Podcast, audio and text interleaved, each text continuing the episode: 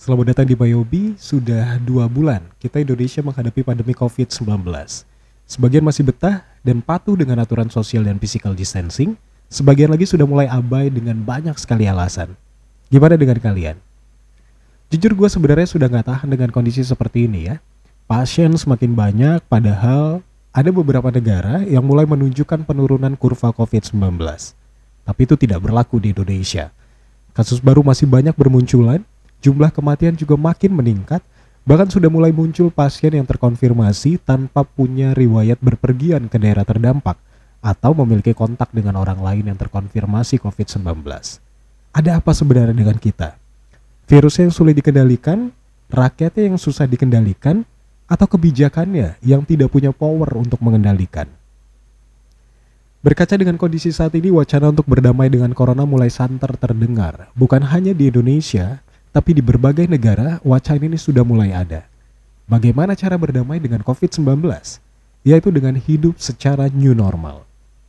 Ketua Tim Pakar Gugus Tugas Percepatan Penanganan COVID-19 Wiku Adhisa Smita mengatakan new normal adalah perubahan perilaku untuk tetap menjalankan aktivitas normal namun ditambah dengan menerapkan protokol kesehatan guna mencegah terjadinya penularan COVID-19. Jadi kita mulai disiapkan untuk kembali menjalani hidup normal seperti bekerja, sekolah, kuliah, berinteraksi dengan orang, bahkan mungkin melakukan perjalanan wisata dengan tetap menjalankan protokol kesehatan. Apa saja protokol kesehatannya? Yang pertama, kita harus tetap menjalankan perilaku hidup bersih dengan cara rajin mencuci tangan menggunakan sabun dan air mengalir, terutama sebelum dan saat melakukan aktivitas, seperti saat bekerja, makan, selepas naik kendaraan baik itu kendaraan pribadi ataupun kendaraan umum, setelah berbelanja dan setelah berinteraksi dengan orang lain. Jika kita sulit menemukan air mengalir untuk mencuci tangan, kita bisa menggunakan hand sanitizer berbahan alkohol. Tapi penggunaan hand sanitizer ini tidak disarankan untuk digunakan secara terus-menerus. Selain efektivitasnya yang masih kalah dibandingkan dengan cuci tangan menggunakan sabun, penggunaan hand sanitizer berbahan alkohol dalam jangka waktu yang lama bisa berdampak negatif terhadap kulit penggunanya, terutama yang memiliki kulit dengan sensitivitas tertentu. Bersihkan alat kerja kita sebelum dan setelah digunakan.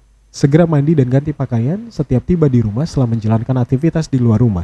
Dan segera cuci pakaian atau simpan pakaian kotor di tempat yang aman menggunakan wadah tertutup sebelum kemudian kita cuci. Yang kedua, selalu menjaga jarak aman dengan orang lain. Jarak yang direkomendasikan adalah 1 hingga 2 meter. Hal ini untuk mencegah terpaparnya kita dengan COVID-19 dari orang tanpa gejala atau dari orang yang tidak mengetahui bahwa dia sudah terpapar COVID-19 dan selalu hindari kontak dengan orang lain jika dianggap tidak perlu. Gunakan teknologi untuk menggantikan interaksi kita secara langsung. Yang ketiga, gunakan masker saat beraktivitas atau saat berada bersama dengan banyak orang. Masker yang disarankan adalah masker kain dengan minimal dua lapis. Jika memang masker medis sudah bisa didapati dan kita mampu untuk stok, silakan gunakan masker medis sekali pakai. Tapi kita harus paham dan ingat bahwa kondisi seperti ini belum diketahui sampai kapan berakhir, sehingga kita harus bisa menghemat pengeluaran kita dengan tidak menggunakan masker sekali pakai. Yang keempat, jaga kekebalan atau imunitas tubuh kita dengan cara makan makanan yang sehat. Kita bisa memulai melakukan hal yang kita sukai, seperti membaca buku, bermain musik, berbelanja online, atau jalan-jalan ke pantai. Dan jangan lupa beribadah untuk menenangkan hati dan pikiran kita. Tapi ingat, yang kita lakukan ini semua harus dengan protokol kesehatan yang sudah disebutkan tadi. Karena COVID-19 tidak akan menjadi berbahaya jika imunitas tubuh kita dalam kondisi yang baik. Kemudian sampai kapan kita harus hidup seperti ini? Kita sendiri yang tahu jawabannya. Semakin kita patuh dengan protokol yang ada, semakin cepat rantai penularan berhenti, maka kita akan semakin cepat terbebas dari pandemi ini. Karena diprediksi dengan melihat kondisi saat ini, pandemi ini masih akan terus berlanjut hingga tahun 2021 atau bahkan lebih sampai ditemukannya vaksin anti COVID-19 yang siap digunakan. Gimana? Apakah kita sudah siap hidup dengan new normal?